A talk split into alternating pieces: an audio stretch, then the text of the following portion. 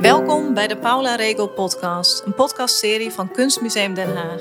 In deze vijfdelige serie vertel ik, conservator Laura Stams, samen met collega-conservator Jasmijn Jaram en boeiende gasten alles over het leven en het werk van de Brits-Portugese kunstenaar Paula Regel. In het psychologisch realistische werk van Paula zitten thema's als machtsverhoudingen, seksualiteit en mythologie verscholen, geïnspireerd door haar eigen jeugd, leven, liefde en omgeving. Hoe verwerkte ze haar persoonlijke worstelingen en maatschappelijke problemen in haar oeuvre? Wat deed ze voor de positie van vrouwen in haar vaderland Portugal? En hoe groeide ze uit tot een van de grootste van de hedendaagse schilderkunst? In deze eerste aflevering van de podcastserie ontdekken we de basis van Paula's oeuvre, haar jeugd, haar thuis en haar liefde voor de kunst.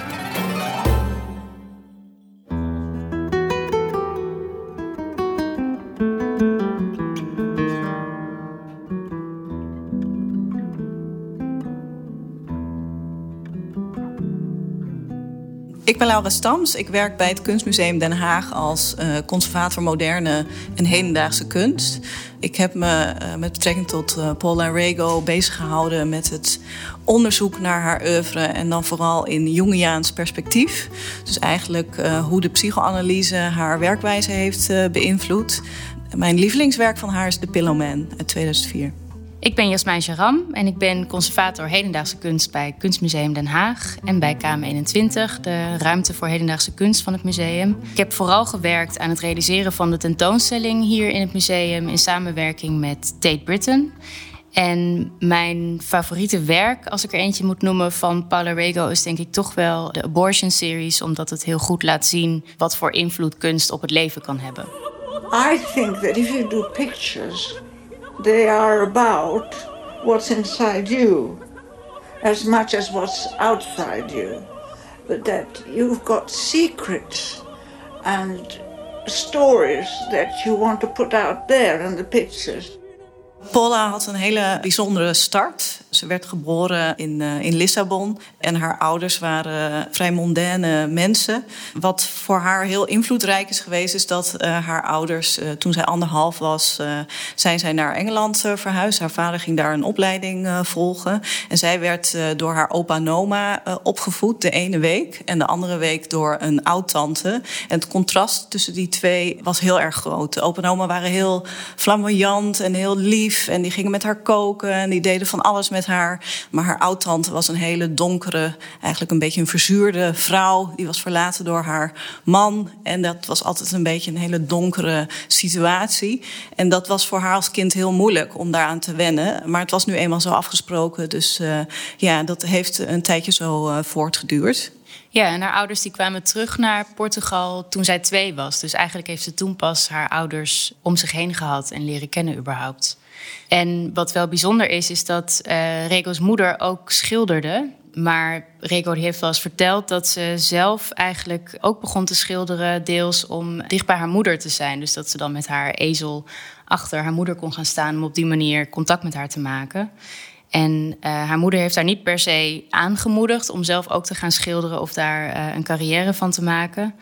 Maar um, ja, het is dus wel een, een invloed geweest op uh, de ontwikkeling van haar talent, zou je kunnen zeggen. Ja, wat ik ook interessant vind, is dat zij op een gegeven moment ook heel duidelijk zich heeft uitgesproken over het feit dat zij in haar jeugd zich eigenlijk altijd moest voegen. Dus niet alleen naar die opa en oma en dan weer naar die tante, maar later ook naar haar ouders ja. en ook naar de mores van de maatschappij. Uh, en dat ze zei van ja, ik durfde eigenlijk me nooit uit te spreken. Ik was altijd heel erg verlegen. En daarom ben ik eigenlijk kunst gaan maken. Want daarin voelde ik me vrij. Daarin kon ik me uh, uitdrukken. I'm shy, I know. When Dad would be speaking with his friends, I remember once people sitting around a fire and he was talking, talking about art, this, that, and the other, and I was just listening. And suddenly he asked me, What do you think? And I tell you, I only wish the floor had opened out and swallowed me up. Paula is in 1935 geboren Wat je kunt zeggen is dat zij altijd wel vrij op zichzelf is geweest. Ze was enig kind, dus ze heeft geen broers en zussen. Maar ook later, uh, dan moest ze naar school. En soms uh, werd ze ook door haar moeder een beetje geenthousiasmeerd om bijvoorbeeld met buurkinderen te spelen. Maar ze heeft ook heel vaak gezegd: ik was eigenlijk bang voor alles. Ik was bang voor spinnen, maar ik was ook bang voor andere kinderen. Dus ik was heel erg uh, een ingetogen en een beetje een ingekapseld mens in feite. I remember being frightened of everything. Being frightened of being in the garden, afraid of my teacher who came to teach me at home, a Portuguese teacher, terrified of her, Dona. I was afraid of everything. I wondered that I actually came to slay, but I did. Rego's vader is ook van invloed geweest op haar uh, latere ontwikkeling tot kunstenaar, omdat hij haar heel veel heeft voorgelezen als kind. Uh, bijvoorbeeld Dante's Inferno, maar heeft daar ook kennis laten maken met Disney-films, met de opera's van Verdi. En dat is eigenlijk um, hoe zij zich heeft leren uitdrukken, met name door te tekenen. En ook hoe zij geïnteresseerd is geraakt in echt het schilderen of het weergeven van verhalen. Ja, dus ik denk dat het heel mooi is en dat je heel goed kan zeggen dat alles heeft eigenlijk een grond in haar jeugd.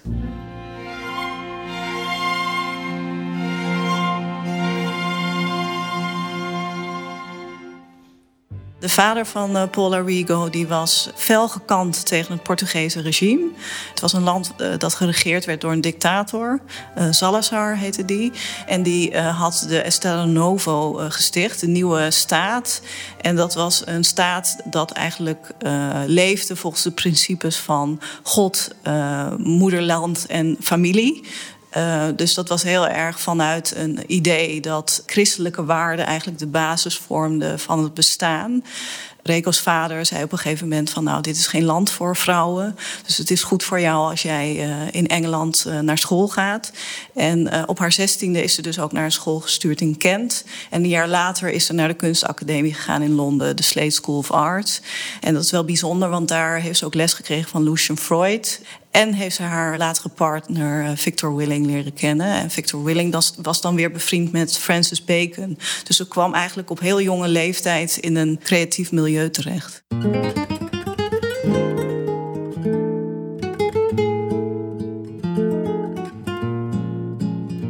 Toen ze op de Slate School of Art kwam, had ze natuurlijk, ja, ze had die Portugese achtergrond. Ze was heel erg gewend aan een uh, cultuur waarin een heel groot man-vrouw verschil was. In Londen was dat misschien wel iets minder. Maar ik moet wel uh, zeggen dat zij uh, tijdens die opleiding ook wel heel veel heeft meegemaakt. Heel veel vriendjes heeft gehad. Maar ook een paar abortus heeft laten doen. En als je hoort hoe zij daarover vertelt, is het man-vrouw verschil in Londen toch ook nog heel erg groot. En is er toch daar ook wel sprake van een bepaalde vorm van onderdrukking.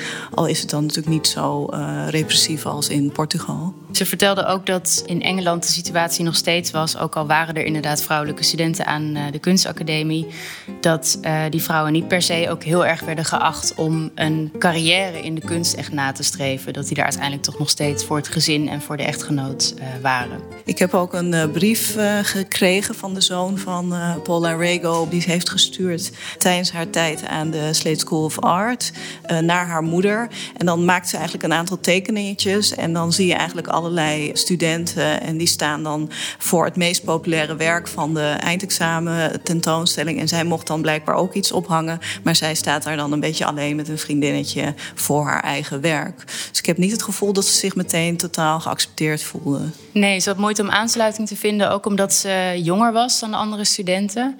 En inderdaad uit een totaal ander uh, milieu kwam, zowel cultureel als ook sociaal gezien. Zij kwam niet uit uh, hogere klassen in Engeland, waar de, uh, de studenten daar toch voornamelijk vandaan kwamen en wist niet goed hoe zich te gedragen. Ze wilde er heel graag bij horen, maar kon tegelijkertijd inderdaad moeilijk haar plek vinden. Het is ook zo dat uh, haar ontmoeting met Victor Willing, die overigens toen nog uh, getrouwd was. Uh, Victor Willing was destijds ontzettend populair op die Slade School of Art.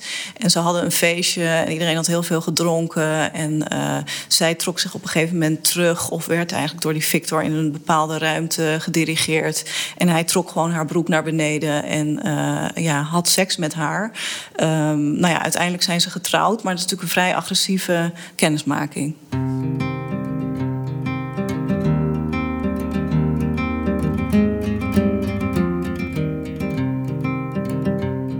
Werk in de tentoonstelling begint iets later, eigenlijk vlak na haar uh, afstuderen. In de tentoonstelling in Tate overigens zijn ook wat hele vroege werken van haar te zien. Toen ze echt nog, uh, nou ik geloof zelfs het eerste werk dat ze een jaar 15 was. Dus toen ze nog niet eens op de academie zat. Maar het werk waarmee de tentoonstelling eigenlijk begint in de jaren 60 uh, kenmerkt zich door een hele grote uitbundigheid. En dat heeft er ook mee te maken dat zij in die tijd uh, getrouwd is met uh, Victor Willing. Wat nog heel veel voeten in de aarde had, omdat hij inderdaad natuurlijk eerst met een andere vrouw getrouwd was. Dus het was nog een, heel, een hele toestand. Ze had intussen ook hun eerste kind gekregen. Maar er volgde dus eigenlijk een hele gelukkige tijd voor haar, waarin haar werk dus uh, hele uitbundige vormen aannam en heel brutaal werd en vol energie. En ze heeft eigenlijk haar, haar werk in die tijd vergeleken met dat ze eindelijk weer kon spelen.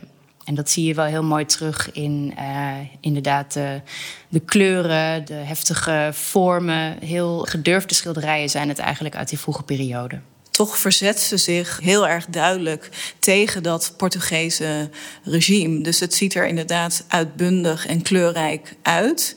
Maar het heeft ook wel een zware thematiek. Well, Portugal was a fascist country, actually. And it was, there was no freedom of speech. There was censorship all over the place. You couldn't speak your mind. For instance, they were all fighting in Angola and Mozambique. I thought of Angola. And... Uh, picture I did quite long, and I called it When We Had a House in the Country. We used to give wonderful parties and then go out and shoot all the black people. Because that's what they were doing there in the time of Salazar.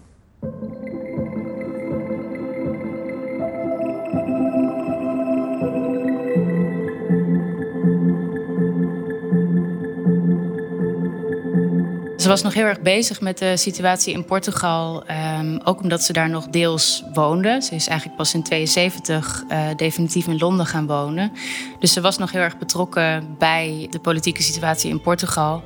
En dat is ook waar deze vroege werken inderdaad, ondanks dat ze er heel, uh, nou misschien bijna vrolijk of in ieder geval heel expressief uitzien wel overgaan. Het zijn echt manieren voor haar om het regime aan de kaak te stellen en ook belachelijk te maken en uit te vergroten en uh, ja, daar haar, haar visie op te geven. En dat kon ze in zekere zin met enige veiligheid doen, naast het feit dat ze zelf aangaf dat ze niet bang was voor de regering. Maar ook door het feit dat ze abstract werkte. Dus dat het voor een censor bijvoorbeeld ook heel moeilijk was om aan te wijzen van jouw werk mag niet getoond worden. Dat zie je bij veel kunstenaars in die tijd en ook schrijvers uh, uit die context. Dat ze inderdaad op die manier eigenlijk de censuur wisten te omzeilen en toch op die manier kritiek konden leveren.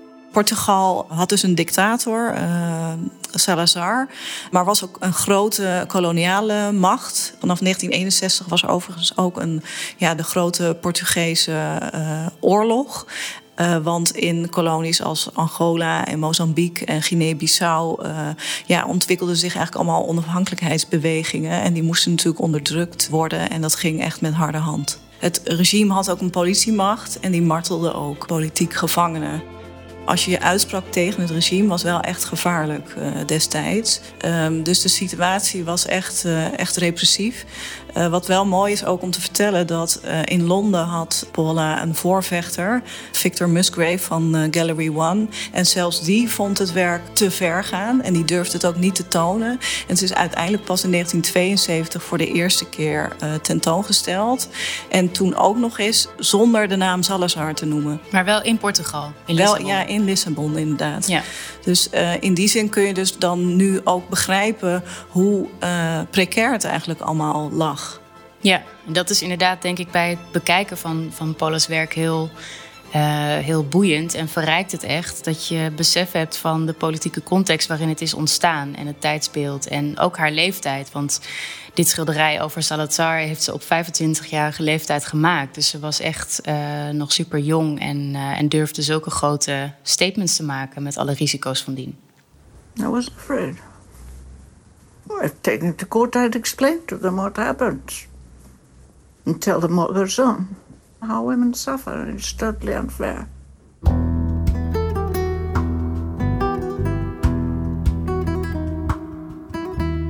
Het werk waar we het vandaag over hebben, wat ook het eerste werk is wat uh, in de tentoonstelling hangt, dus het werk waar uh, het hele verhaal mee begint bij ons, is het schilderij Salazar Vomiting the Homeland uit 1960. Het is een, uh, een olieverfschilderij.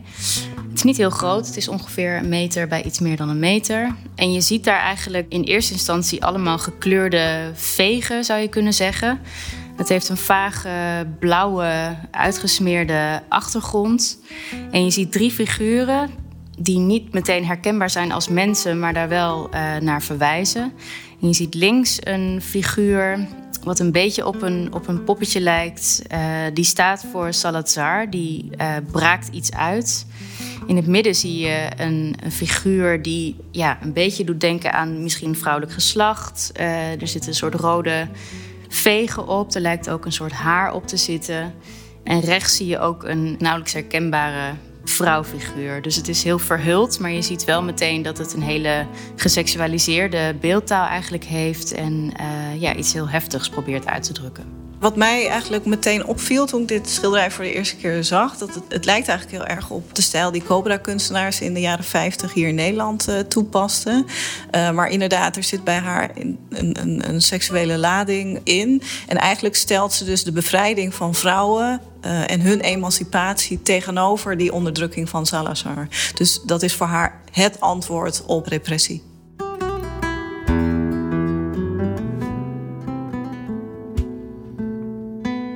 Nou, ik denk dat dit werk zo belangrijk is in haar oeuvre. En ook de reden waarom we de tentoonstelling daarmee beginnen. Is dat het zoveel zegt al over wat er later in haar oeuvre nog gaat komen. Namelijk de manier waarop Valerio aan de ene kant die politieke kant heel erg benadrukt. En niet alleen gekant tegen die dictatuur, maar uh, ook feministische component eigenlijk daarin heel erg benadrukt. En tegelijkertijd ook het soort maakplezier wat je eigenlijk het hele oeuvre lang blijft zien. Je ziet echt uh, de energie die erin zit. En um, later in haar portretten bijvoorbeeld van uh, soort geïsoleerde vrouwfiguren... is dat een heel ander soort energie. Die zien er veel verstilder uit. Maar ook daar voel je heel erg een, uh, een hele sterke kracht die daarin zit. Dus ik denk dat uh, de soort uh, explosieve zeggingskracht van haar werk hierin meteen heel goed zichtbaar is. Ja, wat misschien ook goed is om te vertellen, is dat uh, terwijl ze het werk maakte, en daar is ze dus zelf ook het een en ander over verteld, zei ze van ja, ineens kreeg ik toch een beetje medelijden met Salazar. Dus het lijkt dan van nou, het is heel erg gericht tegen een bepaald regime. en iedereen zou zich daar tegen af moeten zetten. Maar ze laat ook eigenlijk altijd de andere kant van de medaille zien. En ze laat eigenlijk ook altijd zien, en zeker in de bespreking van haar eigen werken, dat dingen eigenlijk nooit zwart-wit zijn. We had a dictator called Salazar. And uh, I was painting a picture against Salazar, which is called Salazar of Mitad Patria. And, and as I was painting I began to feel sorry for him. It's one thing that happens in pictures, you never know what you're going feel about. Ze vertelde daarbij ook inderdaad dat tijdens het maken van dit werk ze dus inderdaad gevoelens voelde bij de dictator die ze zelf nooit had verwacht. Dus voor haar is tekenen en schilderen ook een manier om haar eigen gevoelens over iets te verkennen. En soms blijken die opeens te veranderen of anders te zijn dan verwacht. Dus het is inderdaad een soort vrijplaats, ook voor de kijker, om um, op het moment dat je contact aangaat met het werk, zeg maar, alles mag voelen en dat alles geoorloofd is.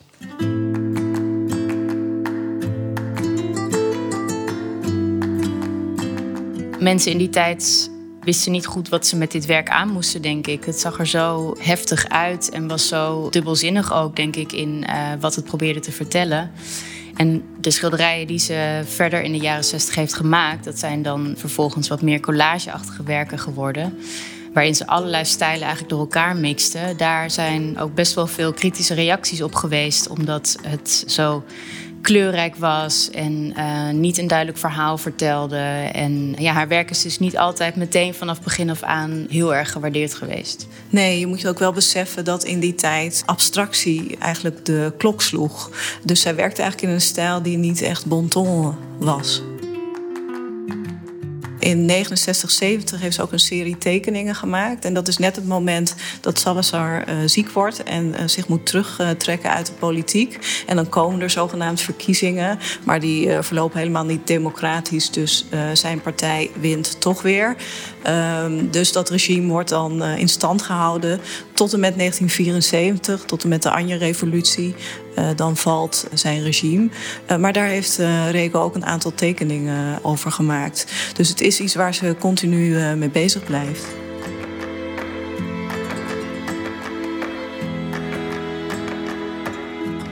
Paula Rego en Victor Willing hebben uiteindelijk drie kinderen gekregen samen. Die in Londen zijn opgegroeid en deels ook wel in, uh, in Portugal veel zijn geweest. Rego is eigenlijk altijd heel stellig daarover geweest dat voor haar de wereld van het moederschap en het bezig zijn met je gezin en het huishouden en de boodschappen, gewoon de alledaagse dingen, dat dat voor haar een compleet andere wereld was. En eigenlijk bijna een soort andere uh, dimensie van haar persoonlijkheid, zou je kunnen zeggen, dan haar leven als kunstenaar. Dus heeft die twee eigenlijk altijd heel erg uh, gescheiden gehouden. Haar kinderen mochten ook nooit in het atelier komen, bijvoorbeeld. Paula heeft daar zelf wel over gezegd dat ze eigenlijk als ze schildert, dat ze dat doet als een man. Oftewel zonder rekening te houden met kinderen, haar rol als moeder. En dat helemaal links te mogen laten liggen. It was brush or baby. That was always been the case. Doing pictures has nothing to do with having children. You do the pictures, you have the children. It's not part of the same life. Painting pictures like being a man, really. Then, you know, I, I, I love my children, I'm not saying that, I, I do, but it's just different.